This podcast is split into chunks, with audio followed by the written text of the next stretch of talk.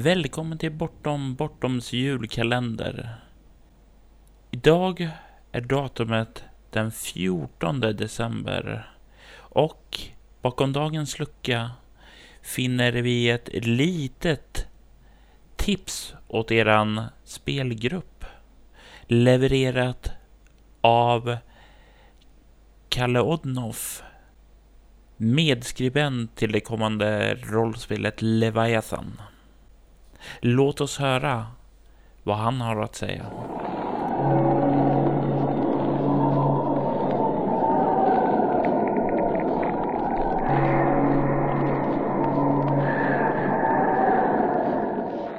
Hej och välkommen till lucka 14 i Bortoms julpodcast. Jag hoppas att ert luciafirande har gått bra och att ni har ätit många lussebullar. Jag heter Karl Lodnoff, jag är också känd som Broder Fluff.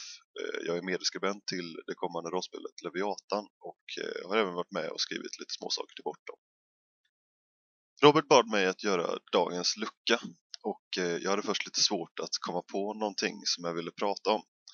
Min första tanke var att berätta lite om djuphavsmarulken, en fisk som jag har förälskat mig i genom mitt arbete med Leviatan. Men Robert tyckte av någon outgrundlig anledning att det var nog inte ett så bra idé.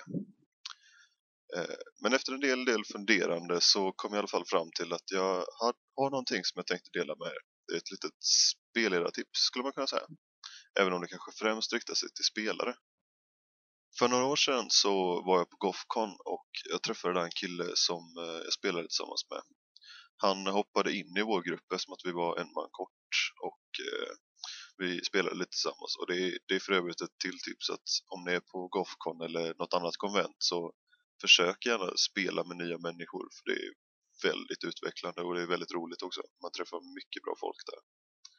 Eh, I alla fall, vi hittade alltså en kille och eh, vi hade väldigt roligt tillsammans. Vi spelade flera pass, även om jag inte kommer ihåg vad vi spelade så kommer jag ihåg att vi, det var roligt och vi hade det bra.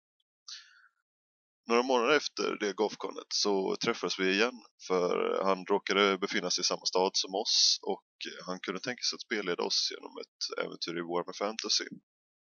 Och sugna som vi var på att spela rollspel alltid så samlades vi och gjorde karaktärer. Eh, efter att vi har spelat ihop gruppen in-game så lade vi oss till med den där vanan som vi hade att alltid säga vi går dit eller vi gör det och ganska snart så stoppade han oss och frågade varför vi hela tiden sa vi och inte jag. Vi blev först tysta för det var inget vi hade tänkt på innan riktigt. Vi hade liksom alltid gjort så. Men när han eh, fortsatte och förklarade att han ville att vi skulle säga jag gör och jag går när någon av oss ville göra någonting.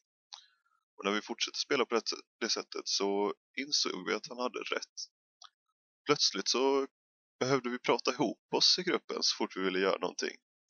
Och det ledde till att vi, relationer mellan karaktärerna blommade ut på ett för oss helt nytt sätt. Vi kunde verkligen börja agera ut med varandra istället för att som tidigare bara anta att det funnits en diskussion och att vi var överens. En annan sak som hände var att subjektet för berättelsen ändrades innan så hade ju gruppen varit eh, huvudpersonen liksom. Eh, det som allting kretsade runt. Eh, men nu var vi fyra stycken subjekt. Det var ju fyra stycken huvudpersoner med egna viljor och som inte bara var en hel, delar av en helhet längre. Det här grupptänket som vi hade, det byttes stegvis ut mot jag-tänket. Och det förändrade spelet ganska drastiskt. Ja, det här är alltså mitt lilla tips till er ute. Jag vet inte hur ni spelar eller hur ni vill skulle, skulle vilja spela.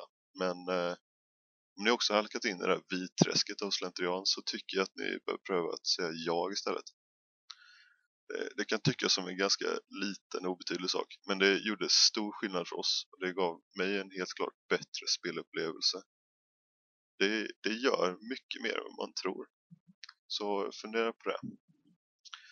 Här tänkte jag i alla fall runda av och tacka för mig. Jag hoppas att eh, jag kommer få träffa er och snacka rollspel med er när Leviatan kommer ut och att kanske få spelleda ett pass med er på nästa Gothcon. Vill ni nå med mig så gör ni det antingen via Bortoms hemsida eller Bortoms Facebook-sida. Ha det bra, god jul och tack för att ni har lyssnat.